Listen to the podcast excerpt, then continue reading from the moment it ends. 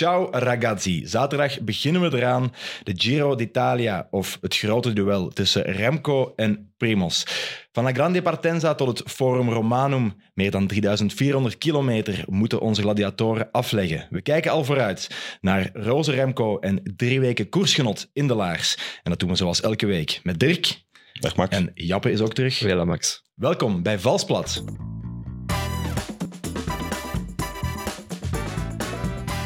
De gast van vandaag heeft iets met bollen, want hij heeft elf bergtruien in zijn kast hangen.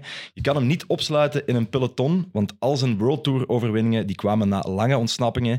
En hij doet niets liever dan drie weken tussen zijn kader hangen, want hij won al een rit in alle grote rondes. Zijn schoonste prijzen zijn waarschijnlijk zijn kinderen, Timo en Amber, maar zijn schoonste overwinning is voor ons toch nog altijd die tussen de sneeuwmuren van de Stelvio in 2012. We weten dat zijn benen al geschoren waren in de lagere school en dat hij even fanatiek gamet als fietst. Zijn sterbeeld staat ook op zijn kuit en vandaag overloopt hij met ons La Giro d'Italia. Een welgemeende welkom aan de schorpioen van Semmerzaken. Dag, Thomas de Gent. Goedendag. Hoe is het ermee? Goed, eigenlijk heel goed. Net Romandie gereden en gevoel is goed, dus Ja. ik ben blij. Ja, het lijkt alsof je recht van Romandie naar hier gereden bent. Je bent de eerste in koers nu.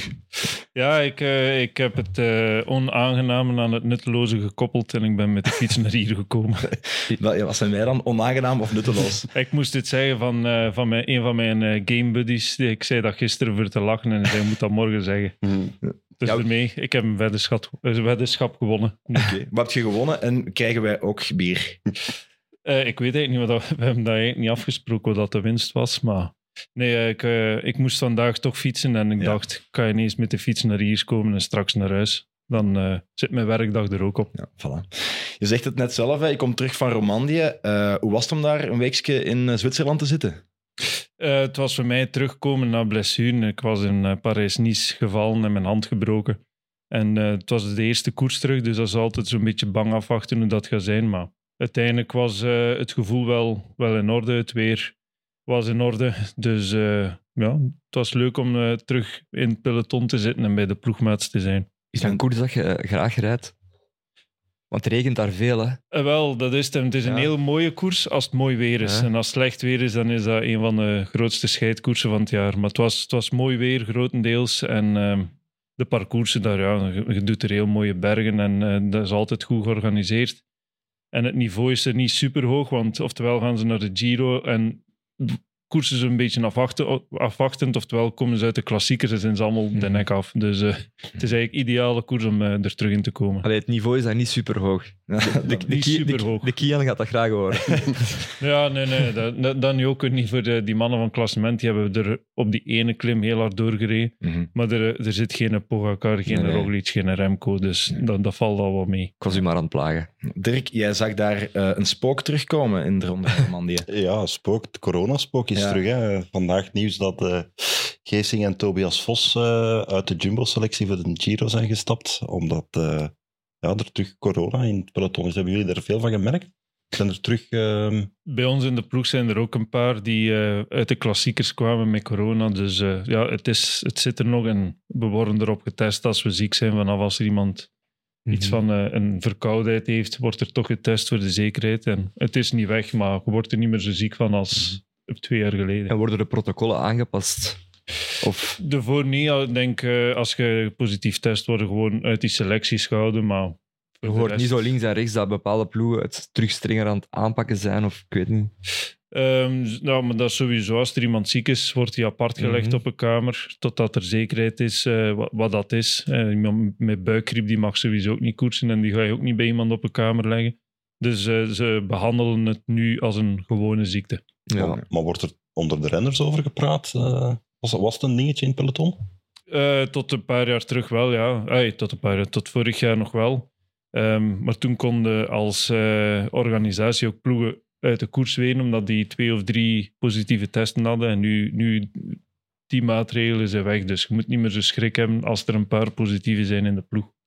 Ik wilde graag even ehm, naar één bepaalde renner gaan in die ronde van Romandie, Matteo Jorgensen. Eh, die wordt tweede in het klassement, tweede in de tijdrit. Die was ook al vierde in de E3, negende in Vlaanderen. Ja, hoe goed is die gast? Kan je dat inschatten? Ik heb er ook eh, in Oman tegen gekoerst. En ehm, die, die, die rijdt wel, ver- hij, hij ziet er groot uit Ja. en zijn gewicht is volgens mij ook niet super laag. En toch rijdt hij op steile klimmen goed omhoog. Dus eh, het is een, eh, geen explosief type, maar zo één en dat gewoon een hele klim, een heel hoog tempo kan rijden. En eh, ik weet niet hoe dat hij gaat zijn tegenover renners die tien demarages hebben bergop. Dan wordt hij misschien een beetje meer gebroken.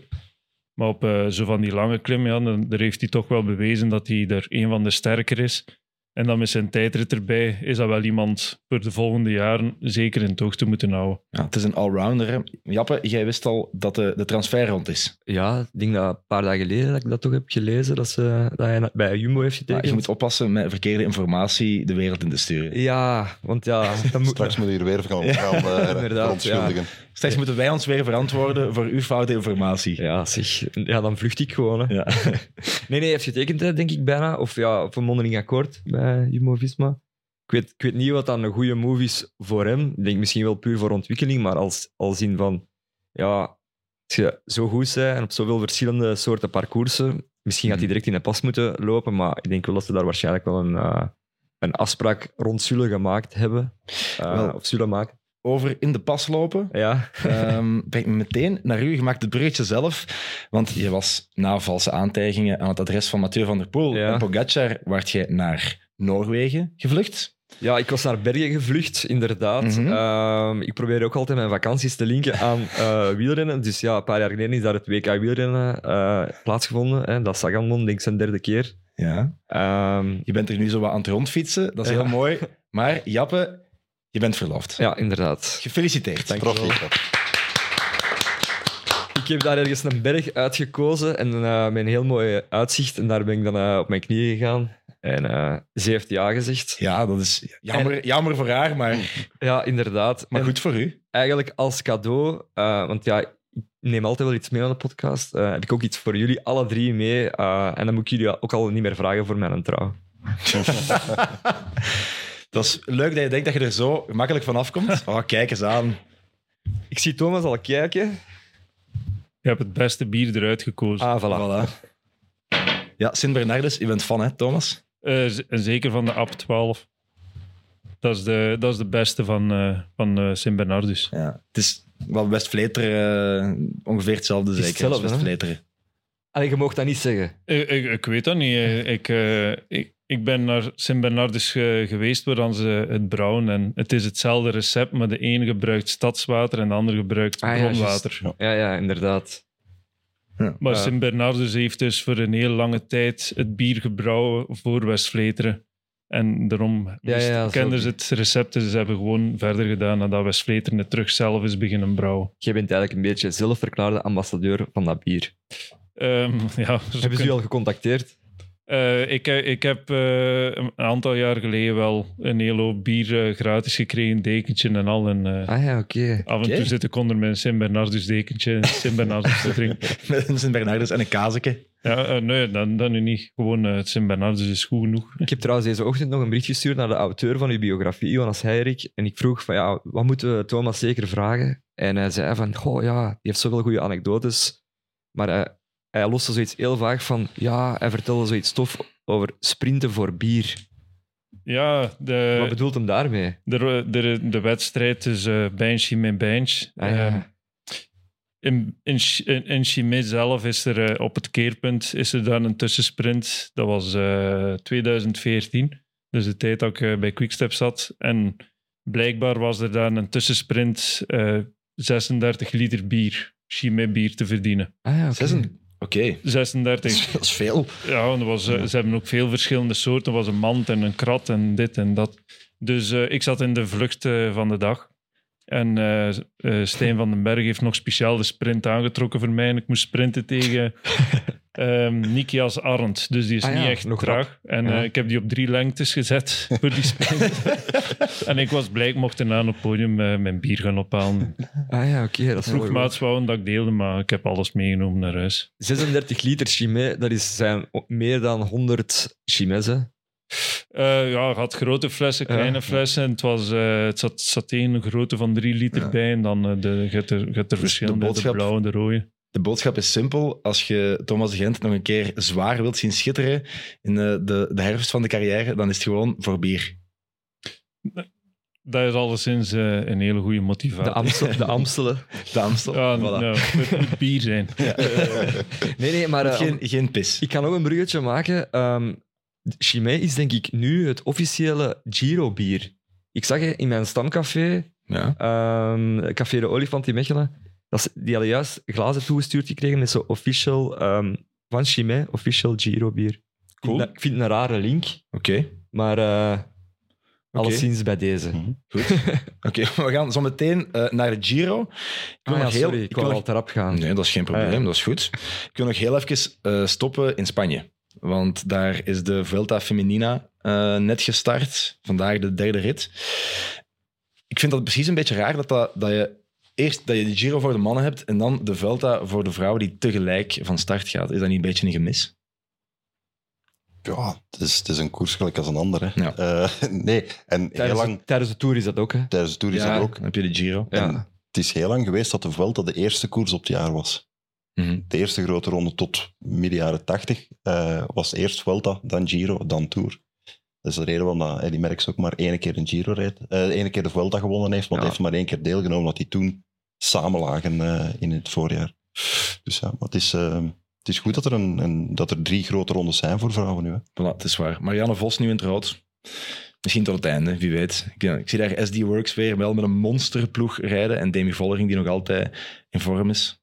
Ja, ik vind dat zot eigenlijk. Hè. Heel dat voorjaar domineren en dan al direct terug in de grote ronde rijden. Maar uiteindelijk koersen die ook niet superveel. Ik denk dat hij nu 10 of 11 koersdagen heeft. Dus Ja. op zich kan dat denk ik dan wel. Anders als bij de mannen. Ik denk trouwens dat vorig jaar de Vuelta voor vrouwen wel tijdens onze Vuelta was. Die Ja, kwam klopt. na de Tour. Ja. En ze hebben dat omgewisseld omdat het anders te druk werd. Eh, ge- gelijk eh, Annemiek van Vleuten, die Ja. moest van het een naar het ander. Die Ja. had ze alle drie gedaan en die ging na de Tour voor Tour, vrouwen ja. rechtstreeks naar Livigno, want dan kwam ze daar dan eh, tegen. En ehm, dan moest ze daarna bijna direct door naar de Vuelta voor, voor vrouwen. En tussenin zitten er ook nog koersen. Mm. Daarom Ja, dat ze het nu misschien iets anders hebben gedaan, dat die Vuelta nu komt. Ook Ja. langer gemaakt. Ja, ja. ja, we zullen dan meteen naar de Giro gaan. Want er zijn nog heel veel dingen die we willen bespreken. Ehm, maar eh, ja, er zijn veel ritten en veel weken die we nog moeten, moeten bekijken. Dirk, de Giro, het is de grote ronde die de man in de koersoutfit hier tegenover mij op de kaart gezet heeft. Hè? Eh, de Giro van 2012 was toch wel een doorbraak van, eh, van Thomas. Hè? Ja, ook de, de grootste verrassing voor mezelf, denk ik. Dat jaar. Ben je daar zonder plan naartoe gegaan? Was dat een beetje ontdekken? Want het was- de eerste keer dat je de Giro reed toen. Ja, het jaar daarvoor had ik eh, de, de Tour gereden en ik was, eh, op, dag één was ik gevallen. Ik had een gebarsten sleutelbeen. En de laatste drie dagen van de Tour kwam ik er ineens door en werd ik eh, op Alpe d'Huez zesde en dan in de tijdrit vierde. En daarmee werd er ineens gezegd, eigenlijk, als je dat na drie weken kunt, dan moet je geen klassementsrenner zijn. Je, je wordt eh, zesde op een klim en je wordt vierde in een van de lastigste tijdritten. Dus volgend jaar gaan we mikken op een, op een goed resultaat in de grote rondes. Dus er, er was wel iets of wat van, van een plan.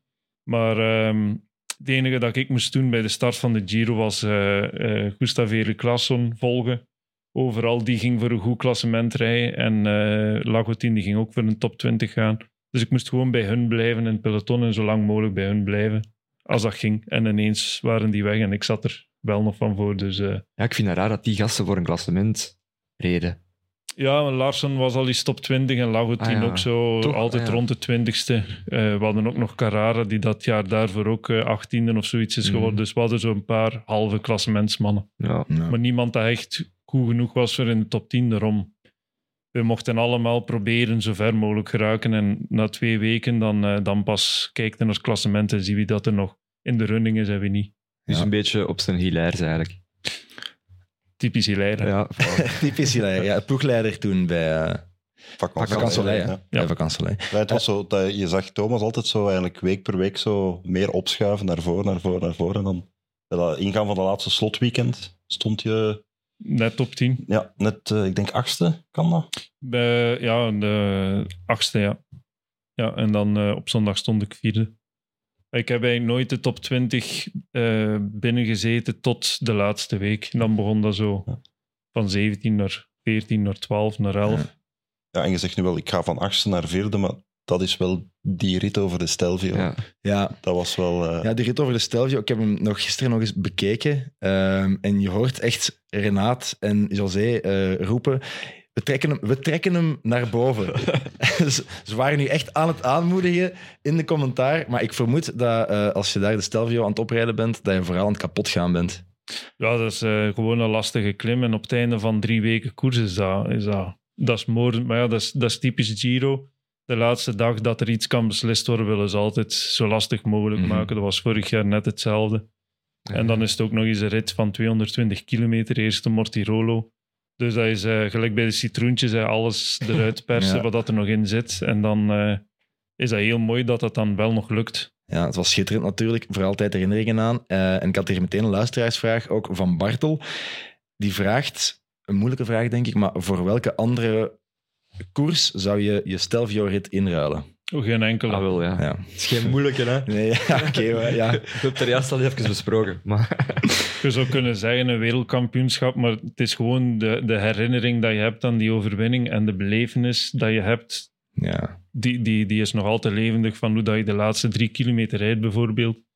Dat, dat kun je gewoon niet inwisselen voor een overwinning op papier. En ook vanuit je jeugd, hè? omdat je daar ook op vakantie ging, of wat was dat nu? Eh, ja, hoogtestages. Of ja, ah, ja. Al van bij, Vakantie. Ah, nee, ik had ja. het iets romantischer. van bij de belofte ging ik al daar op hoogtestages en die klim heb ik on, ja, honderden keer nu niet, maar toch tientallen keer Oh, ja. nog gereden. Dus eh, Ja. het, is, het is een klim dat ik heel goed kende. En dan eh, is dat mooi dat je dan net daar je schoonste overwinning kunt pakken. Want je reed daar toch ook even uh, Koenego gewoon klink uit wielen. Ging die er niet als laatste Ja, aan? want het begon eigenlijk al vroeger. Hè. Het Ja. was eigenlijk de, wie dat hij daar allemaal op Ja. achterstand eigenlijk. Ik heb hier mij het beeld van op de Mortirolo en dat was de, de klim voor de Stelvio. En heel stijl ding, kopgroep met Scarponi, eh, Rodriguez, Basso. En jij gaat net voor de top, val je aan, denk ik. En ze, ze pannen zo terug en er is een beeld van Basso die echt... Ik heb Basso nog nooit zo wit gezien als zelfs die een dag. Die was Rijkbeek weggetrokken. toch tweevoudig. Hij had toch een Ja, aantal keer Giro's gewonnen.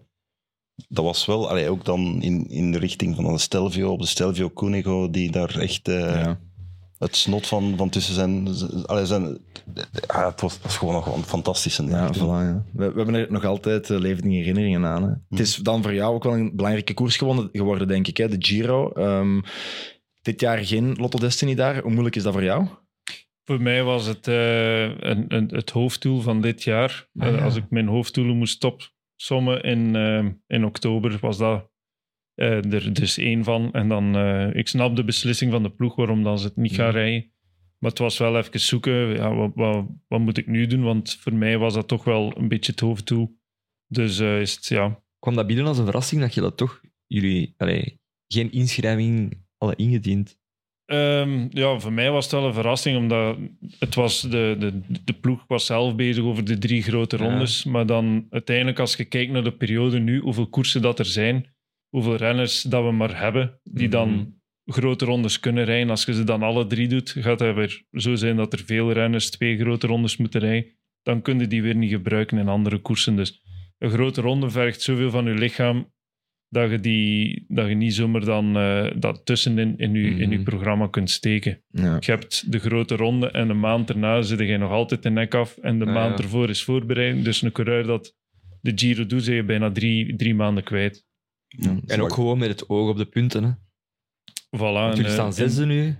Eh, Ik had ergens op hun Twitter gezien. Ja, jullie, Ja. hebben- jullie zijn goed bezig. Hè? Het is, het is ik denk dat we nu ondertussen tiende, tiende staan. Ah, ja, ja. Dat, eh, nu Misschien met al die- een oude tweet. Ja, Dat ik met die, gezien. met die rondjes nu, dat er eh, nu na eh, de Waalse klassiekers en na Roman, dat we nu tiende stonden. Maar nog altijd, we stonden, stonden ver voor de, Hm. de volgende Pro-Conti. Dus Ja, dat, is, ja. Ja. dat, is, dat is het belangrijkste. Ja, daarover gesproken, ik denk dat de sfeer wel goed zit in de ploeg. Ja, ja, ja, dat zeker. En eh, de, de prestaties zijn er. We winnen misschien minder dan vorig jaar, maar de prestaties in het algemeen en in de breedte zijn er wel. Ja. Dus dat is belangrijk. Nog één dingetje over de ploeg. Heb je nog iets gehoord van Lennart van Eetveld? Heb je daar nog een update over of zo? Ehm, nee, hetgeen dat er is eh, gecommuniceerd, dat wisten wij vlak Ja. voordat Ah, publiek toch, werd ja. gemaakt. En ehm, het is ongeveer hetzelfde verhaal als toen met, met Tosh. Gewoon Iets dat, dat mag als het wordt genoemd in de, bij de dopingcontrole. En ehm, als dat dan vergeten is, ja, dan... Ja, Jan Bakelands was ook wel heel kritisch over ehm, ja, de, ja, de ploegdokter. Dat dat beter moet worden opgevolgd. Maar Jan weet niet hoe dat allemaal ineen zit. Ah, ja. zoals, zoals bij Tosh, eh, dat was tijdens de Zesdaagse van Gent. Mhm. Wat als individueel is, Ja. dan zie je niet daar als ploeg. Dus er was ook geen ploegdokter.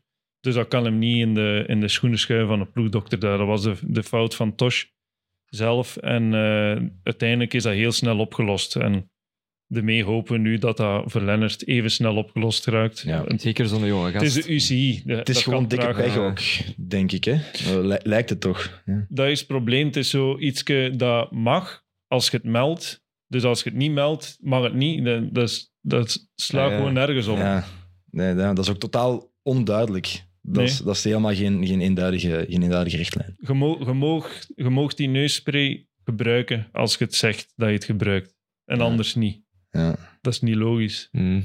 ja, je zit al met zoveel verschillende dingen die je moet bijhouden. Waarschijnlijk whereabouts en controles en weet ik veel wat. Ook die namen van die neussprays zitten soms zo dicht bijeen en gepakt in. En gelijk voor die zalfjes, je hebt fusidine en fusiekort. Fusiekort moet je melden, fusidine niet. Ja. En het is zo goed als ze alleen zitten in het een cortison en het andere niet. Ja. Ah, ja. Laten we hopen dat het snel opgelost is voor Lennart van Eetveld, want wel een groot talent bij jullie ploeg, hè, sowieso. Ja, zeker. En hij heeft me ook al verrast. Ik dacht dat hij het lastiger ging hebben in eh, Mallorca voor de overstap te maken naar de pros. Maar hij eindigt er twee keer op podium. Dus eh, Ja.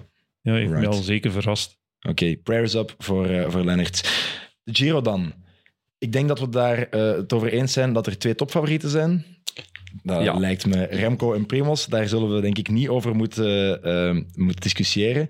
Maar gaat er iemand van de rest iets aan, eh, aan hen kunnen doen, Thomas? Wat denk je? Ja, normaal, ja, drie weken is lang. Er kan zoveel gebeuren. Een lekke band op een verkeerd moment, een valpartij. Dus eh, het kan altijd. En in een grote ronde in week drie met die zware klimmen. ehm, het is al dikwijls gebeurd dat er iemand die een beetje zwakker stond in de eerste twee weken, Mhm. dat hij ineens een stap zet in de derde week en dan dat klassement nog probeert aan te vallen op een andere manier, gelijk hoe dat ik het had Ja. gedaan. Beetje bij toeval, maar dat Mhm. kan altijd. En eh, degene die twee weken half lang heel sterk presteert, kan ineens de laatste twee, drie dagen volledig inzakken als een pudding, zoals Mhm. dat Pinot het al gehad heeft, of, eh of Yates. Dus in, in die drie weken kan er zoveel gebeuren. En we de topfavorieten zijn eh Evenepoel en, en Roglic, dat is zeker. Ja. En ik verwacht niet dat er iemand anders dan een van die twee gaat winnen. Maar het blijft drie weken en alles kan gebeuren. Maar heb jij gasten in Romandie zien rijden waarvan dat je zegt van, nou, die, die is wel heel goed. Eh, ik heb er heel veel zien wegrijden van mij. maar ik heb ze niet indi- individueel kunnen in toog houden. Maar er, er, eh, er zijn er wel eh, die dat heel goed, goed rondrijden. Maar ik weet niet wie dat er allemaal exact de Giro gaat rijden. Natuurlijk, Jurgensen is zo een dat heel goed rijdt. Maar ja, rijdt hij de Giro? Dat denk ik niet. Hè. Hij staat er nu niet op, maar ja, de Giro dat kan ook nog een dag op voorhand aangepast worden natuurlijk, hè, wie, dat er daar, eh, wie er daar start. Maar de voorbereidingskoers voor de Giro is eerder de Tour of the Alps. Daar wordt meer Ah, naar gekeken. Daar hebben we het op voorhand over gehad, hè? over Ja, wat, de, wat de ja. voorbereidingskoers nu eigenlijk is voor, eh, voor de Giro. Eh, en dan Romandie is historisch gezien die koers, maar ik ben er eens doorgegaan door de Tour of the Alps. En die top 10, dat is eh, Theo Gegenhardt, Hugh Cardi, Jack Haig, Cepeda, Fortunato, Lennart Ka- Kemna, Sivakov, Buitrago en Felix Gal. Ah, wel, dat zijn allemaal na- namen, denk ik op na, dat we echt eh, drie weken vol een bak aan het werk gaan zien. Voilà. Echt, eh, ja, sowieso. Ja. Als je ook kijkt naar de uh, top drie's van uh, afgelopen twintig jaar in de Tour of the Alps, of de ronde van Trentino toen nog, ja, die komen allemaal terug in de Giro. Hè. Je hebt ook, denk ik, eens een keer Nibali heeft eens een keer gewonnen en uh, Bas ook. En die wonnen dan ook ineens twee weken daarna de Giro. Um, dus Want de dat laatste jaren wel minder, hè. Ja, maar toch, ik weet dat jij had opgezocht, Dirk. Ik ga, er, er is een beetje een veten, hè? Dat, Nee. dat is het Er eigenlijk. is Dus, zeker geen veet. Trouwens, ik heb Dirk daar juist ook een ne- neusspray zien gebruiken voor de opname. Ik Nazarina Tuniol. Hè? Ik heb het aangegeven bij de NUC. Ja, oké. nee, ehm, ja, maar ik denk wel, die top drie's die komen ook altijd wel terug. Er gaat misschien, komt niet altijd een winnaar uit, denk ik. Nee, maar Thomas gaat dan misschien... Hoe moeilijk is het om vier weken voordien mee te strijden voor een zegen in Tour of Ja. the Alps. Ja, en dan dat in is die laatste week van de Giro er dan nog te staan. Eh, Ik denk dat het moeilijker is om, als je in die Tour of the Alps rondrijdt en je wordt van Kasken naar de muur gereden, om dan nog goed te zijn in de, in de Giro, dan Hmm. komt de hopeloos te laat. Dan is het beter dat je goed rijdt in Tour of the Alps of eh, Asturia of wat dat ook ko- koers is en daar dan mee te doen voor de overwinning. Dat weet ik, ik ben op de goede weg. En eh, Remco wint ook in Luik. En dan zegt hij, er kan nog een paar procentjes bij. Dus volgens mij rijden die allemaal nog op 5, 96 procent. En die extra procentjes die komen er dan wel bij in de weken voor een Giro. Dus ik denk dat dat, dat, dat beter is voor nu de afgelopen drie weken heel goed rond te rijden en het vast te houden dan nog te moeten gaan bijtrainen om te hopen dat je goed zit in de Giro. Of gewoon niet trainen natuurlijk, want dat is ook... Of niet, eh, niet, geen wedstrijden rijden, dat is wat Remco doet Ja. bijvoorbeeld. Eh, ben jij daar fan van, van, van geen wedstrijden rijden en gewoon rechtstreeks van de berg naar de ronde te komen? Dat is wat dat voor iedereen werkt. Ja. Eh, voor ieder apart werkt. Voor mij zou dat niet werken. Voor Remco werkt dat wel. Hm. Ik, ik heb liever wat competitie. Maar als je jezelf echt zo pijn kunt doen op training, dan is dat waarschijnlijk wel een beetje gemakkelijker om het Ja. gewoon op een berg te doen. En je doet Ja. je hoogtes thuis.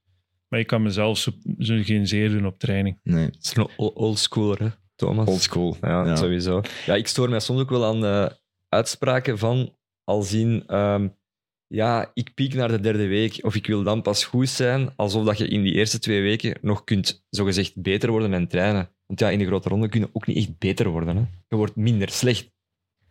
Ja, verbeteren worden niet van, eh van Nee, tien maar dat hoorde zo wel. Ja. Ik wil nog een paar procentjes in die eerste twee weken erbij doen. Maar dat vind ik zoiets banaals. Ik denk dat dat eerder is dan ze ermee op doelen dan ze de eerste tien dagen proberen zoveel mogelijk krachten uit te sparen. Ja. Geen demarages, gewoon volgen, geen tijd verliezen. En dan gaan ze in die laatste week proberen Ja. eh, voor de koersen voor te winnen. Mhm, Zo, ja. ja. Ja, Dat is een beetje wat er in deze Giro ook kan gebeuren. Ik wil, voor we naar de, eh, de etappes gaan, Ja. want die moeten we snel gaan behandelen, wil ik nog één vraagje stellen aan Thomas. Eh, want ja, Remco die gaat voor Quickstep weer een grote ronde rijden. Ja, je hebt er misschien wel ervaring mee. Je reed ook bij Omega Pharma eh, om mee te gaan naar, naar de grote rondes eigenlijk. Hè? Hoe, hoe heb jij die druk daar ervaren?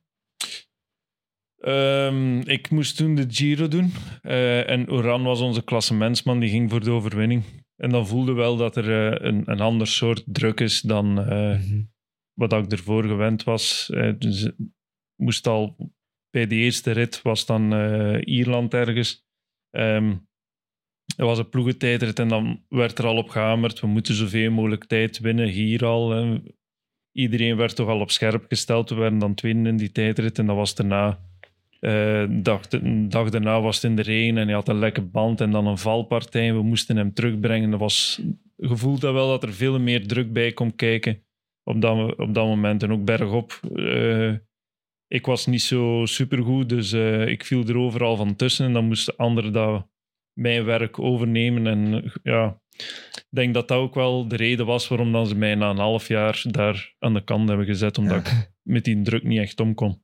Ja, het moet ook kut zijn als je, als je ziet van... Ik moet, ik moet dat doen en het lukt dan niet. En dat is dan waarschijnlijk voor, je- voor je zelfvertrouwen niet goed. Lijkt me een vicieuze cirkel om daar dan om daaraan te blijven gaan. Vooral omdat hij echt wel winstkansen had. Tot Ja. aan die eh, hele zware regenetappen over de, over de Giro. Eh, daar verliest hij dan eigenlijk eh, de Giro aan, aan Quintana. Ja, hoe zat dat Ja. nu weer? Want we hebben het daar juist nog eens even over gehad, hè, Dirk. Ja, dat was broedermoord, hè, Colombiaanse broedermoord. Ja. Ja, Het, het, het was eigenlijk een hele, het was een hele slechte dag met, met regen, met sneeuw. En Vooral op de, sneeuw, op hè, de laatste, op de, net voor de top van de laatste klim, denk ik, hebben ze toen vanuit de organisatie gezegd van we annuleren de koers. Maar Eh, Quintana had zijn oortje niet in. Voor neutraliseren. ja het was, dus ze gingen de afdaling van de Stelvio neutraliseren, zodat iedereen boven op gemak beenstukken kon aantrekken, regenvestjes aandoen. en ehm, Quintana had het niet gehoord en die is tussen de moto's weggedemareerd en die pakt eigenlijk gratis en voor niks twee minuten in de afdaling. Die had het, die had het tussen haakjes niet gehoord. Ze, Maar dat is een Bij ons- hè. Bij Quintana. ons zei ze het al vijf kilometer voor een top in Toortje. De afdaling wordt geneutraliseerd. Ah, ja. Doe jullie regenvestje aan. En dat werd ja, dat, dat, dat, dat gerap rond. hè. Oh, het is geneutraliseerd. We zijn nog met 40 man in de eerste groep. En ik, ik ben gestopt voor een regenvestje aan. Ik kon dat niet zelf, want de vingers Ja, waren bevroren. handen, ja. Eh, de bovenop was het min 2 en, eh, en aan het sneeuwen. Dus eh, het, was, het, was geen, eh, het was geen leuke wedstrijd die dag. Maar daar pakt hij dan twee minuten in die afdaling en klassement is gereden. Ja.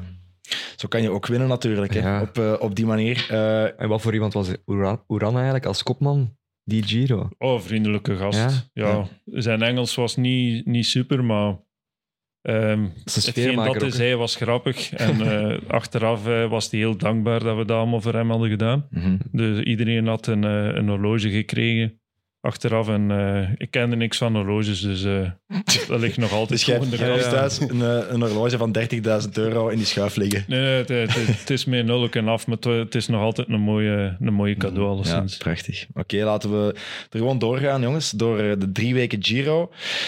Jappe en Dirk, jullie hebben elk een weekje voor de rekening genomen. Dirk, je hebt die hand omhoog gestoken voor week nummer één. Ja, dat is eigenlijk de makkelijkste week. Hè. Dat is een beetje aanloop. Ja, die eerste week eh, begint met een tijdrit. Voilà. Dus dat is al direct eh, iets om naar uit te kijken. Het eerste duel Remco-Roglic. Ehm, ja, Wil je, wilt je daar al rozen pakken als je Remco uit? dat zal de vraag zijn. Hè. Wil Quickstep op dat moment al drie weken de koers in handen nemen? Je kunt ook wel rozen pakken en het weggeven. Hè? Ik denk dat dat voor Remco ook wel ehm, belangrijk is. Die, die, dat mentale door te winnen. Al, al is maar gewoon een paar seconden pakken op Roglic. En het dan eigenlijk gewoon weg te geven. Zo zou ik het doen. zo, zo, zo zou jij die tijdrit Ja, winnen. we gaan het aan een kenner vragen. Ja, voilà, voilà. Ik denk, moest hij kunnen, hij zou zeker wel die eerste, eerste tijdrit winnen en gewoon al laten zien hoe goed dat hij is. En zeker het roos ga je niet zomaar, eh, zomaar laten liggen als je het kunt. Want ze rijden ook tegen elkaar en eh, je kunt dat niet, Nee, nee. ja, je kunt dat niet zo Nee. gaan programmeren dat je dan zoveel seconden achter zijt of voor zijt of eh, voor niet te willen winnen. En terwijl als Roglic dan wel wint en hij pakt er al 10 seconden, moet je die 10 seconden ook weer dichtrijden. Ja. Dus die gaat gewoon allemaal, alle twee voluit rijden en dan het roos weggeven. Oh ja, dat is- past. Dat is sowieso. Een tijdrit rijden, vol, maar dan direct Voilà. weggeven toch? Of niet? Die sprinters gaan ook nog dicht zitten. hè. Het zijn genoeg sprinters die dan nog een beetje kunnen tijdrijden, die dan redelijk dicht gaan zitten en dan Mhm. eh, pakken die de volgende rit. Eh, als, ze de, als ze de rit winnen, pakken die met de bonus. Denkt je dat echt? Dat er nog een sprinter... zo Er zijn wel sprinters, ik weet nu niet welke sprinters dan er allemaal gaan, maar er zijn genoeg sprinters die, eh, die dicht kunnen eindigen. Maar die gaan ver voor liggen, denk ik wel. Ze. Want, was hoeveel... Dat is ook mijn verwachting. Is- Want wat zijn de bonies bijvoorbeeld? Hoeveel seconden? Ehm, tien zeker? Ja. Tien aan de Ah finish. ja, maar ja, dat kan, dat eigenlijk nooit. Hè. Je kan toch nooit een, sp- een, Nee, een sprinter roos pakken? in principe, ja, het is een tijdrit van 19,6 kilometer. Als een sprinter roos pakt, dan eh, fiets ik naar de eh, brouwerij van uh, Van, van Sint-Bernardus? Ja, maar je moet Luik Bastenaken Luik Oké. ook eerst nog fietsen. Nee, nee, dat moet ik niet meer doen. Dat moet ik niet doen. Nee, nee, nee, maar daar, daar geloof ik niet in. Nee? Nee. Oké, ja, dat is een challenge dan. Hè. Dan Oké. eh, fiets je naar eh, Sint-Bernardus. Dat is wel echt ver, dat weet ik. Ja. Het gaat nu wel een naam zijn en dan ga je misschien terugkrabbelen met Pedersen. Ah. Ehm, ik ga niet terugkrabbelen, ik heb het gezegd. Ehm, maar inderdaad, verdomme hè. Oké, Die- Mats want Die was ook goed in de ster van Message in die Ja. tijdrit. Begin van het jaar. Ja, want Lappen. Het zou wel eens kunnen. De tijdrit, de rit daarna, is, is er één voor de sprinters, eh, denk ik. Dan, Ja, het is vooral uitkijken naar, eh, naar rit 4. Hè. Dat is eigenlijk een Ja. aankomst. eh, maar ik kan niet zeggen bergop. Maar die laatste klim ligt op 9 kilometer van de finish. Ehm, die Lago Laceno, waar we daar straks al over gehad hebben. Thomas heeft die in 2012 opgereden. Het is een pittig ding, hè. Het is eh, een heel steile klim. Da- daar was de eerste keer eh, dat het peloton eigenlijk echt uit elkaar ging. En ehm, ik denk dat we er met 25 man of zoiets nog samen over zijn geraakt. En dan was, was ik eh, vierde, vierde aan de finish. Dus ja, die klim is de laatste, laatste drie, vier kilometer was constant 9%. Mhm. En dan bovenop is het geen afdaling, gewoon een plateau rond de meer, Lago, en dan eh, finish. Dus eh, het is, als je gelost bent, kom je niet terug. Daar gaan we wel iets zien, hè. Daar gaan we zeker wel iets Ja. zien. En daar is, moest uh, Quickstep de, de roze... ah ja, stel, de Remco wint de, de tijdrit en hij zou het roze willen kwijtspelen. Dat is wel zo'n plaats waar het nog wel kan gebeuren. Tenzij Roglic aan de Marine is, dan moet hij mee. Dan moet hij en mee. dan houdt hij roos. Ja. Ehm, dan is er in de eerste week ook nog een, eh, een rit naar Napels, eh, lokaal circuit. En we hebben daar nog iemand die de wegen daar goed kent, want wie won er daar vorig zijn. jaar? Dries Mertens, hè? Nee, niet drie. Dus, Die kent de streek er ook natuurlijk. ja. Maar dat is, eh, het is nu wel een volledig andere rit Mhm. dan toen dat, dat ik vorig jaar won. Bij ons was het een gemakkelijk circuit en nu gaan ze echt wel een paar stevige klimmen op gaan rijden. mhm. ja. Maar ja, je, je, pakt er, je pakt daar wel weer een, een rit. Was dat verwacht dat je daar nog een ging pakken? Nee, nee, nee, helemaal niet. Ik was een schone al, groep eh, ook, hè? Ja, ik was al een half jaar eh, eigenlijk slecht aan het rondrijden. En ehm, de dagen ervoor moest ik mijn werk doen voor, voor Caleb. En die dag schoof ik mee naar voren en sprong ik mee in de groep, omdat eh, eh, Harm en eh Sylvain Monique, die waren vooral de mannen voor, voor mee te zitten en voor een prijsterrein. Dus ik sprong mee. Ik was voor hun aan het werken. Ja. En uiteindelijk win ik zelf. Dus eh, het, was, het was helemaal niet verwacht. ja. Je zegt, ik glip mee in een groep. Maar ik kan me voorstellen, als ik het... Stel, ik zou, ook ooit, ik zou ooit in het peloton kunnen verzeild geraken, wat die gaat gebeuren. Maar stel, ik zit in het peloton, ik zie Thomas de Gent naar voren kruipen. Dan denk ik, godvertekke, daar moet ik eh, snel, snel mee naartoe. Dat Is zijn dat... alarmbellen, hè? Ja, Ja. Het, was een, het was een kopgroep waar nog wel... Het was Girmay zat erin, Van der Poel, eh waren grote namen die toen allemaal Ja. Mauro Schmidt. Ja. Ehm, dan nog zoveel. Veel goede mannen, ja. En dat maakt het dan soms een beetje gemakkelijker. Dat Ah, ze, ja. ze keken vooral naar Van der Poel en naar uh, Girmay en naar Smit en zo. En minder naar mij, omdat ik al een beetje minder goed rondreed als, eh, als andere jaren. Dus eh, zij waren de ideale bliksemafleiders. Ja. Ga je dan veel buurten tijdens zo'n groep, tijdens, als je wegrijdt, een keer gaan polsen of gaan babbelen met de anderen? Nee, nee, nee, dat is zeker. Je doet gewoon Ja? je doet gewoon hetgeen dat je moet doen. Je, je rijdt mee rond, je gaat niet zitten slepen, je slaagt geen beurten over. En het enige dat ik deed was tegen Harm en Sylvain zeggen we dat zij moesten doen. Ja. En niet met drie in mekaars wiel zitten rijden, want als je dan juist alle drie naar achter gaat en ze demareren, Mhm. is er geen ene mee. Dus we waren vooral met dat bezig. En onze eigen tactiek. En eh, we wisten dat, dat Mathieu heel vroeg ging beginnen demareren. Zeker als hij goede been heeft, dan begint hij al 40, 50 van de meet. En iedereen reageert er dan op en dan zit iedereen Ja. stik kapot. En dan is het moment om eens te proberen. En dat deden we ook en we waren weg. Ja. Jullie waren weg met vijf toen. En wanneer is er dan eigenlijk gekozen van, om jouw kaart te trekken? Ehm, pas eh, vijf kilometer van de finish. Ah ja. Dan tot, tot daarvoor eh, was het eigenlijk de bedoeling dat ik eh, zoveel mogelijk tempo ging maken en dat Harm iets meer op, eh, op, eh, ja, op reserve aan het rijden was. En dan ging hij moeten demareren voor de top van de laatste klim, wat dat 5, 6 van de finish was, zodat hij alleen zou kunnen aankomen. En ik ging dan gewoon bij die andere twee in het wiel een beetje zitten slepen. Dan Mhm. gingen ze ook niet met mij naar de finish rijden. Maar Harm was niet goed genoeg om te demareren. Dus ja, we reden over de top met vier. En dan zei ik, ja, nu ben ik de rapste van de vier, ben ik zeker. Dus we gaan moeten switchen en nu moet jij voor mij rijden. En zo zijn. Mhm. Maar ja, want dat- je had al heel veel werk opgeknapt. Hè? Want ik weet nog dat ik tijdens die, dat ik naar die rit aan het kijken was. Ik dacht van ja, oké, nu doet hem toch wel heel veel werk. Ja, Van Hoeken moet zich heel goed voelen. ja, ik dacht dat ook. Maar hij zei dat eh, op de laatste klim dat het beste eraf was. Dus eh, ja, Eh, mooie kans voor mij. Ik heb hem dan ook genomen. Ja, je hebt... eh, misschien heb je niet bepaald één specialiteit waar je in uitblinkt, maar eigenlijk is het een beetje een complete coureur, Thomas Gent. Iemand die kan en wat klimmen en wel sneller is dan de meet en dan ook nog eens een tijdrit kan rijden. Ehm, is het daarom dat het eh, altijd in de, in de solo, eh, solo uitkomt? Omdat het zo van overal wat komt, de dingen die je kan, maar, maar zo niet één bepaald ding? Ja, ik, ik blink er niks uit, maar in alles ben ik goed genoeg. Maar dat is dan, als je een goede dag hebt, kun je wel in sommige dingen overstijgen. Dus als je mij tien keer een klim gaat laten oprijden tegen goede klimmers, negen keer ga ik er afgereden worden. Maar dan die tiende keer op een goede dag kan ik hun eraf rijden. Hmm. En dan moet je dan op zo'n dagen moet je er gewoon het meeste uithalen dat erin zit. En dat zijn dan die overwinningen dat ik heb. Ik heb er niet superveel, maar ze zijn dan wel altijd, altijd mooi. Ja. Maar ik, ben, ik ga nooit geen eh, veelwinnaar geweest zijn. Daar had ik net niet genoeg talent voor, denk ik. Hij heeft ook eens een groepsprint gewonnen in de Vuelta. Dat vond ik straf. Zelfs met Garcia Cortina nog in die groep. had ik eigenlijk nooit verwacht dat je die, ging, dat je die zou... Maar dat is mijn geheim wapen, de sprint. Ik ben helemaal niet traag. Ik weet Ah, ja. dat. Ja, moest ik, moest ik durven wringen, zou ik Ja. in, eh, in massasprints top 10 kunnen rijden. Echt? Geregeld. Ah ja, Maar ik durf dat niet en ik zit er niet. En daarmee komt dat er nooit niet uit. Maar dan is dat mijn extra troefkaart. Als ik dan Mhm. een keer moet sprinten voor overwinning. als er ruimte is. Als er ruimte is. Maar ik kan me wel, zo met een groepje van tien Mhm. man kan ik mij plaatsen. Dat is nu geen probleem. Ehm, maar als ik dan de kans krijg, weet ik dat ik die een sprint heb. Ja, ik zie dat ook aan uw benen. Die zijn wel echt vrij dik. Ja, de hele dat tijd is, naar eh, zijn benen aan het kijken. Is dat een beetje met jaloezie kijken naar de benen van Ah, Thomas? Tuurlijk, ja. Ja, Ik probeer de hele tijd in zijn ogen te kijken tijdens gesprek, maar dat is moeilijk.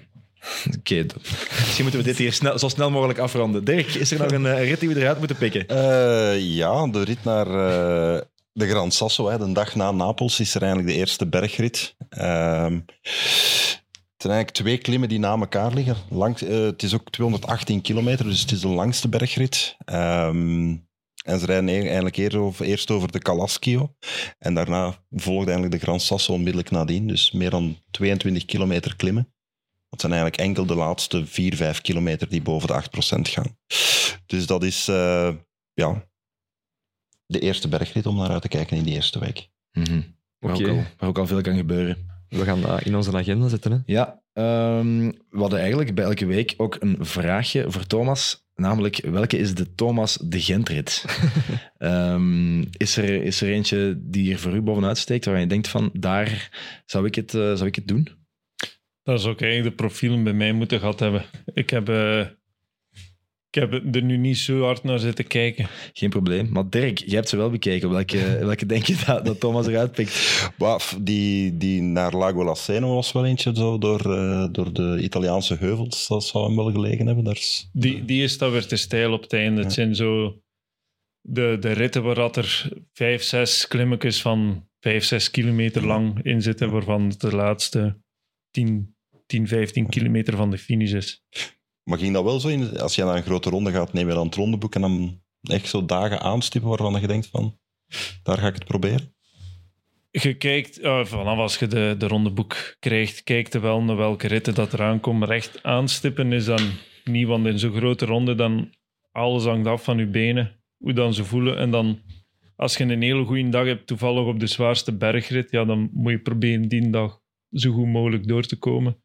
Hmm. En eh, proberen daar het beste van te maken. En dat weten nooit wat dat er eh, kan gebeuren. Zo heb ik nog bergritten gewonnen.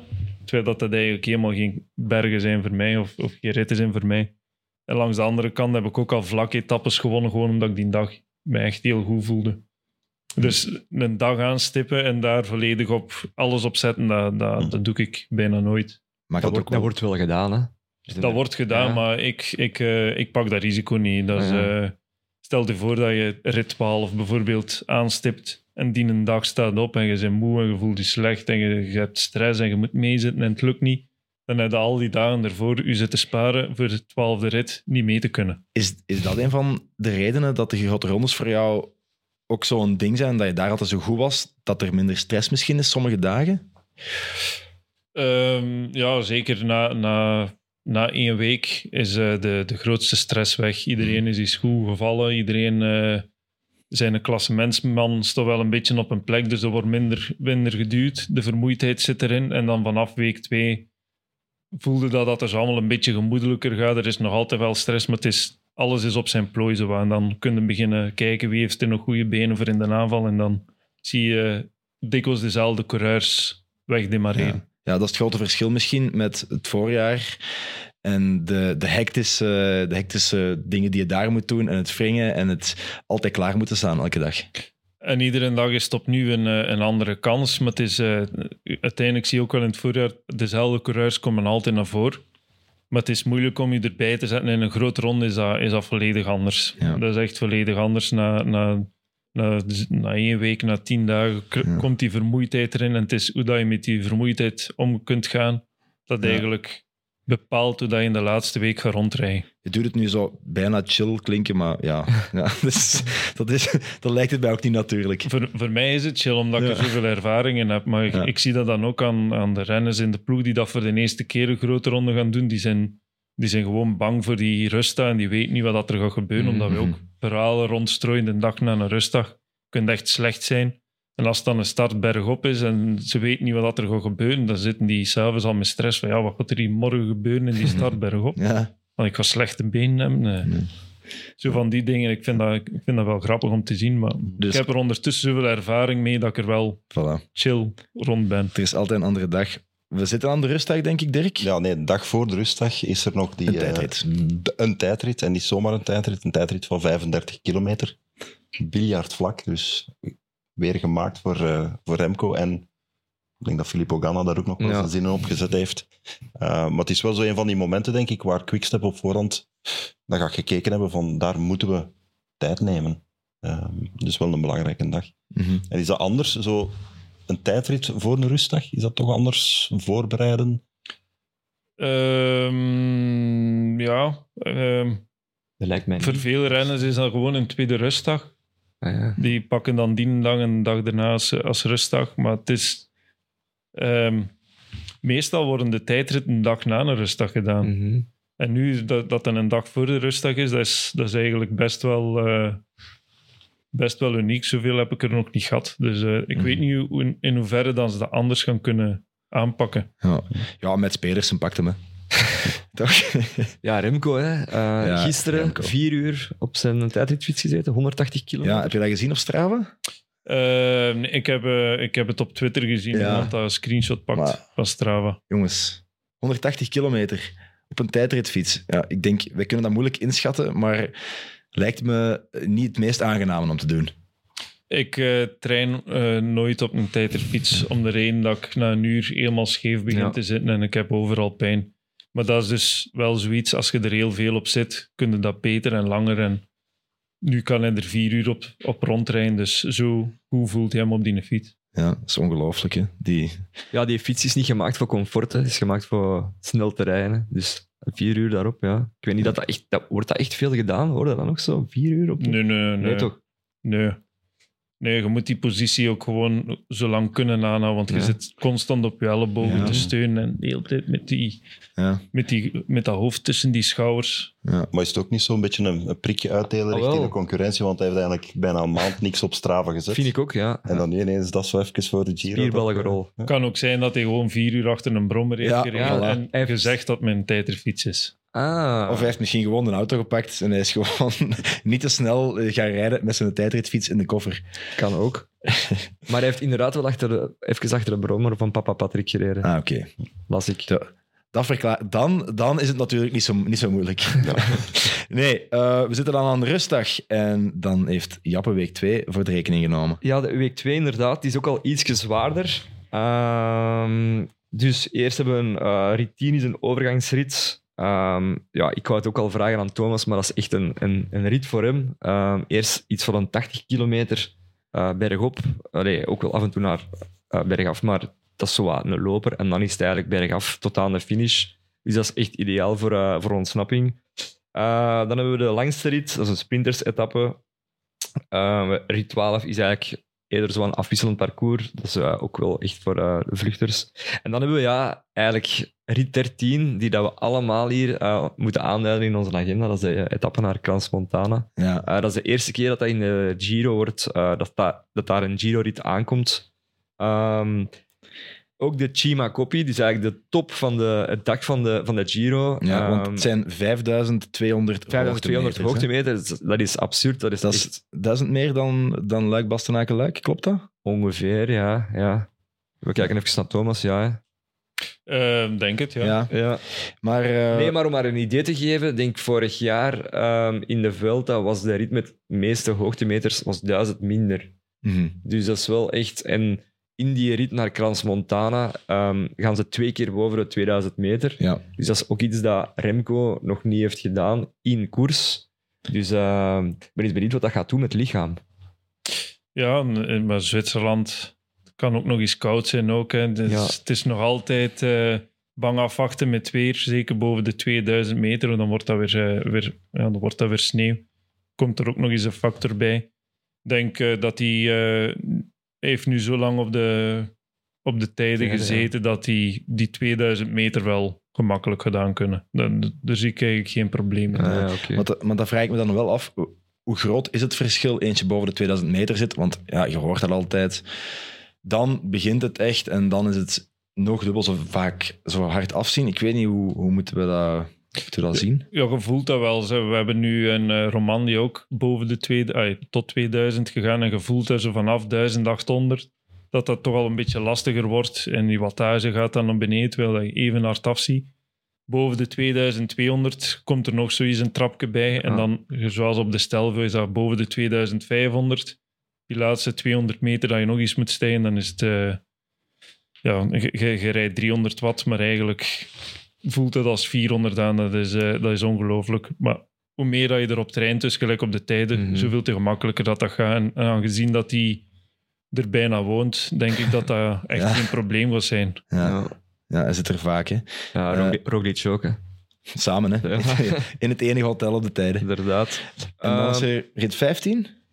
Eh, ja, inderdaad, de rit 15, dat is ook eentje dat, dat we moeten aankruisen in onze, in onze agenda. Kom daar in Bergamo en dat wordt zowel wat gezegd als een mini-Lombardije. Maar ja, mini, dat, heeft ook een, dat is ook een rit met meer dan 4000 hoogtemeters. Dus dat kan ook wel een verraderlijke etappe zijn. En eh, de laatste keer dat ze dat in de Giro deden, eh, was in 2017 en toen won eh, Bob Jongels. Dus dat is eigenlijk misschien ook wel een rit, eventueel ook voor vluchters, maar kan ook wel wat gebeuren tussen de favorieten. Oké. Ja, redelijk zwaar al. en, Ja. dan, en dan moet week 3 nog komen. Nog iets waar ik mij aan stoor. Elke grote ronde wordt er gezegd, de laatste week, hoe zwaar is die? Dat is precies al zo'n... Ik weet niet, dat, ja, zo'n... Het lijkt alsof we op voorhand al allemaal zeggen, week 3 klikuitspraak. is echt heel zwaar. Ja. Maar Ja. dat is ook. Dat is gewoon de laatste week, voor iedereen begint uit te kijken naar het einde. En die laatste week, het enige dat je nog naar uitkijkt, is naar huis gaan. Al die keren ervoor is naar de volgende rustdag. En die laatste week kijkt uit naar huis gaan. Ehm, derde week, dat eten begint tegen te steken, dat ontbijt begint tegen te steken. Mm. Je, je eet zo goed als iedere keer hetzelfde. Rijst, Ja, ja. pasta, havermout. Het is bijna elke dag hetzelfde. En je voelt dat gewoon begint te veel te worden. Iedereen heeft het gat, iedereen wil naar huis. En die ritten worden alleen maar lastiger, langer. Je, Ja. de trap op en af gaan, dus zeer. En dan moet je 200 kilometer gaan fietsen. Mhm. Weer nog een week lang. Dus dat is... Ik, voel, ik voel de frustratie eruit komen. Dat, eh, maar dat is ook het schoon aan, een- aan een grote ronde. Dat is, je zit op een niveau van vermoeidheid dat je gewoon niet kunt nabootsen. Zelfs niet met, met een stage. Dat heb je alleen maar in grote rondes. Daarom dat ook al wie dat een grote ronde heeft gedaan en tot einde heeft gereden, die zijn motor, zeggen ze, wordt uitgeboord, wordt vergroot. Dat is gewoon omdat die drie weken kunt dat niet simuleren. En je voelt dat die, die, laatste, die laatste... Als je een goed gevoel hebt, kun je nog boven jezelf uitstijgen. Maar als je in de vermoeidheidszone zit, Mhm. kun je echt wegzakken. Ja. Helemaal wegzakken. Daarom de laatste week eh, vallen de renners uit de top 10. Eh, verliezen er die dan zeker de Giro gingen winnen een roze trui. Dat kan allemaal in de, in de laatste week. En zeker als ze er nog steile dingen gaan insteken. Zoals wat dan ze erin gestoken hebben. Ja, wat, ze- wat, hebben- wat hebben ze er weer allemaal ingestoken? Ja, rit 16 eh, naar Monte Bondone is eh 5200 hoogtemeters. Dat is de tweede rit boven de 5000 hoogtemeters, als ik me niet vergis. In de Eigenlijk Alpen. in, in de grote rondes eh, zijn er heel veel ritten met meer dan 5000 hoogtemeters. Bijvoorbeeld in de Tour is dat ook vaak toch niet, hè? Nu, heb je- nu heb je er Ehm, drie, bijvoorbeeld. Nou, in de Giro komt er dan meer tegen, ook Ja. omdat ze daar de ritten gewoon langer maken. Ja. Ja. Bijvoorbeeld de rit naar de Stelvio dat ik won, was net iets meer dan 6000 Ah ja, hoogtemeters. zie. En dan hadden nog zo van die ritten dat, dat Oh, Jezus. 7, 8 uur zijn. Dus Ja, ja. dat is de Giro, die, die hebben er graag lange rit. En dan komt ook automatisch Ja, aan meer er- hoogtemeters uit. Ja, En ja. de Vuelta, dat zijn eh, meestal kortere ritten, 150, 180 kilometer. Ehm, Maar steiler soms ook. steiler, Ja. maar dan ook minder klimmen. En dan kom je daar meestal rond de 4000 hoogtemeters uit. Mhm. Oké. Er is één ritje nog voor de sprinters daar. Eh, rit 18 is ook 4000 hoogtemeters in de Dolomieten met zes klimmen na elkaar. En rit 19, dat is de koninginrit. Eh, met vijf calls in de Dolomieten met 5400 hoogtemeters en 180 kilometer. En de Trecime di Lavaredo. Eh, ja, dat is... ehm, Pijnlijk, denk ik. Als je daar, want dat is op de derde laatste dag, eigenlijk de voorlaatste dag, laten we zeggen dat je moet koersen. Eh, je zegt het al, hè, dan komt het, het melkzuur waarschijnlijk door de neus naar buiten. En er gaan ook veel renners schrik hebben van die rit. Ja. Dat, is, dat is niet ene klim, geen twee, geen drie, zijn er vier. En eh Passo Giao, dat is eh, zo ene. Heel lastig, de voorlaatste klim daar. Een heel lastige klim, eh, heel steil ook. Niet super lang, maar als je daar dan toevallig erdoor zakt, ja, dan is eh, Giro en het klassement volledig weg. Ja. Je kunt, niet meer, kunt er niet meer van recupereren, ook niet. Ja.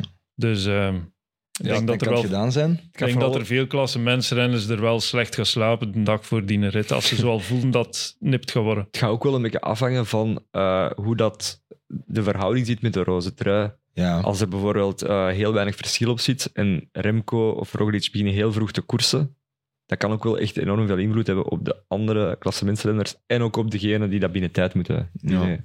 Maar dat is ook zo'n rit waar dat iemand die 11e, 12e staat op 10 minuten bijvoorbeeld, Ja. waar dat die zou durven zeggen, eh 80 van de meet, we gaan alles of niks spelen. Oftewel, Ja, win ik dat hier en kom ik nog heel dicht in het klassement. Oftewel, ja, probeer ik het en val ik volledig weg.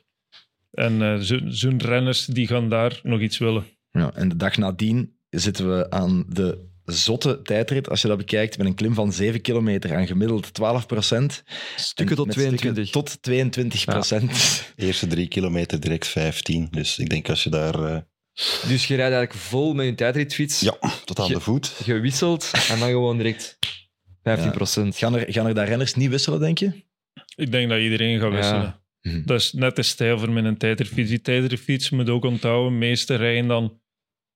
dat is een vlak stuk ervoor. Dat gaan ze allemaal met een 58 rijden, sommigen Mm. met een 60. Dus dat wil zeggen, dat kleinste kan een 44 of een 46 zijn. Dan kunnen belangen niet ergens steiler dan 10% mee omhoog rijden. Nee. Het was nu al in, in Romandie dat er bijna gewisseld werd eh, van eh, een gewone fiets, omdat er een paar steilere stukken van 10% in staan.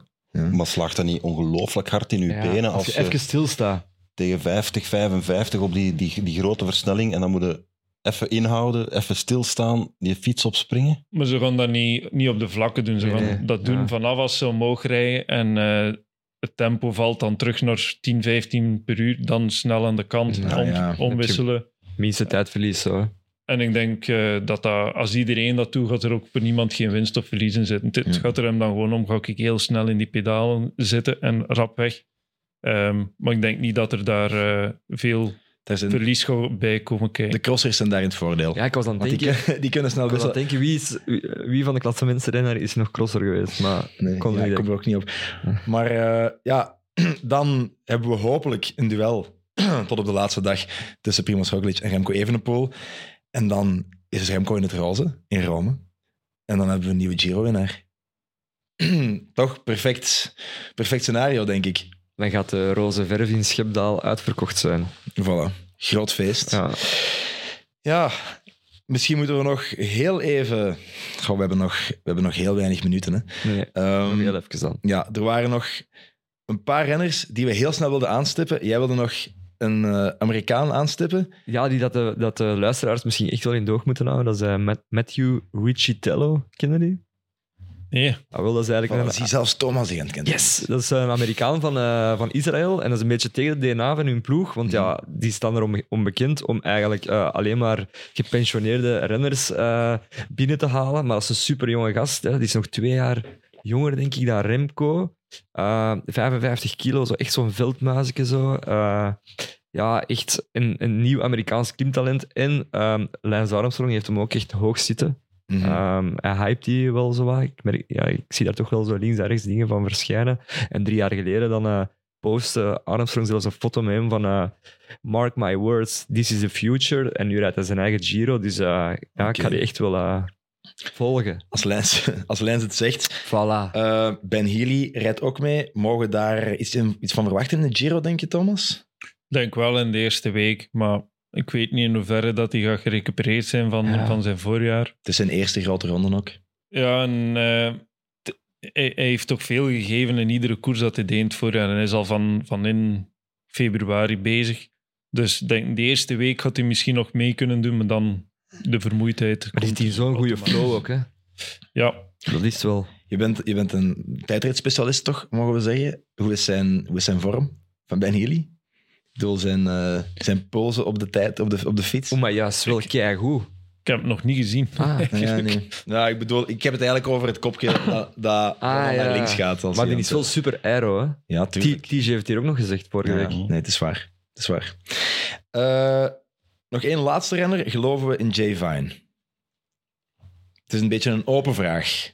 Eh, ja, sowieso wel, hè. Maar ehm, ik weet niet zijn knieproblemen, hoe hard dat die nog opspelen en eh, hoeveel eh, invloed dat hij heeft gehad op zijn eh, vormpeil, nu richting de Giro toe. Maar er wordt momenteel niet meer zoveel over gesproken. Het was een beetje talk of the town hè, toen dat de Tour Down Mhm. Under won. Ehm, en hij heeft ook bewezen dat hij goed kan tijdrijden. Ja. Er wordt eigenlijk nu wel vrij weinig gezegd en gesproken en geschreven over UAE. Ehm, maar misschien staan die wel met Almeida op het podium. Die hebben daar ook nog een Formolo rijden. Dus die hebben ook wel een sterke ploeg. Ja, zeker. Ja, er zijn nog veel. Er zijn goede ploegen. Hè. We hebben nog Bora, laten we zeggen, Bora, UAE en Ineos. Ja. Ineos. Die Ik er, eh, die er eh, meteen achter staan. En ben vooral Waar? benieuwd naar Ineos. Ja, Heel sterk in de breedte. Ehm, toch kopman die in het verleden veel bewezen hebben. Ehm, en ik ben heel blij dat met Laurens. En, en dat Laurens de. Plus Ja. terug eh, in een, een grote ronde gaat rijden. heb jij soms contact met Laurens de Plus? Nee? Ja. Oké. Nee. Oké. Nee, maar ja, heel lang ziek geweest. Hè. In- in- toen hij in 2016 in peloton kwam, was hij toen ook Ja. 20 jaar. Ja. Eh, werd hem een hele grote toekomst voorspeld. Eh, was op een bepaald moment echt klaar om meesterknecht in het hooggebergte te zijn voor Roglic Ja. eh, bij Jumbo. En dan spijtig genoeg door ja, maagproblemen, allerlei problemen, een beetje de weg geraakt. En nu toch Die is al vier jaar geleden. hè. Dat is echt zot eigenlijk. Jongens, om een toog te houden, Laurens de Plus, Matthew, Richitello en Ben Healy. Jay Vine, daar geloven we gewoon nog in. Ja. Eh, ik ga heel snel moeten gaan, want we zitten eigenlijk al over onze tijd. Maar er is nog een rechtzetting voor Ah ja. Dirk van Nijverseel. Want we hebben vorige week geen winnaar aangeduid van de prono. Van Ehm, jullie prono, hè? voor, Alleen van onze eh, prono. Voor onze prono. Ja, ja, ja. Eh, dat was de prono van Luik Bastenaken Luik. En daar heeft Dirk terecht Remco. Ja, dat is natuurlijk ongelooflijk dat je die hebt gewonnen, die dat koers in zicht, dat, Ja, eh, dat komt bovendrijven. Het is weinig gegeven. Gefeliciteerd. Eh, trouwens, Yves Lampaard die wist ook dat het Remco ging worden. We hebben nog een giveaway. Dat is er eentje eh, voor Kok79NL. Dat is de, eh, de naam op Instagram. Een Nederlander. Wat heeft die- hij gewonnen? Ja. Dat is een Nederlander. Ah, ja. Wacht even, Jap. Dat is een Nederlander die een week in België was en die heeft ons gezien op tv, zei hij. En die zei, wauw, vastplat op tv, super. En die luistert altijd in Nederland. Eh, of dat zegt hij toch tenminste, want eh, die wou graag het eh, truitje van Ties Benoot winnen. Gefeliciteerd, Kok. Stuur gewoon de gegevens naar, of via DM naar het Instagram-account van Valsplat. Dat is Valsplat Podcast. En we hebben een nieuwe giveaway. Eh, ja, het zit in mijn rugzak. Ah, voilà. Ah. Zalig. Eh, ja, misschien moeten we hem nog even nemen en dan tonen we hem. Het is eigenlijk hetzelfde als we dat Ah, voilà. ja, dan, ja, voilà, dus Dat is nog beter. Het Dat is is nog zo een beter. sprintpak. Ah, oké. Ah, zalig. Dat ik een, een, een sprintpak, een volledig pak, waar ik een handtekening op zet. Ah, voilà. Oké, De naam staat op het, op het etiket en al, dus het is zeker van mij. Het is zalig. Er is geen koers in gewonnen. Eh, het zit nog in de plastic. Ah ja. Ze mogen het nog aandoen als ze willen. Ja, Zalig. oké. Oké, kijk goed. Bedankt daarvoor, voor eh, eh, uw aanwezigheid. Thomas de Gent, super, eh, super dat je erbij was. Het was, het was heel fijn om alle inzichten te horen. eh, en eh, ja, veel succes nog. Wat zijn de volgende doelen voor jou? Ehm, een goede vraag. Ik probeer me klaar te stomen voor de Tour de France. Eh, zekerheid van een selectie heb ik nog niet. Maar omdat ik nu net in een blessure zat en pas terug ben, moet alles nog een beetje ingevuld worden van planning. Dus eh, hopelijk is dat Dauphiné, eh Boucle de la Mayenne, Ronde van Hongarije, dat dat mijn volgende programma wordt. Oké, we kijken uit naar eh, de volgende ontsnapping. Merci Thomas de Gent, eh, Dirk en Jappe. Jullie mogen ook ontsnappen. Eh, en bedankt om erbij te zijn. Yep. Dank u.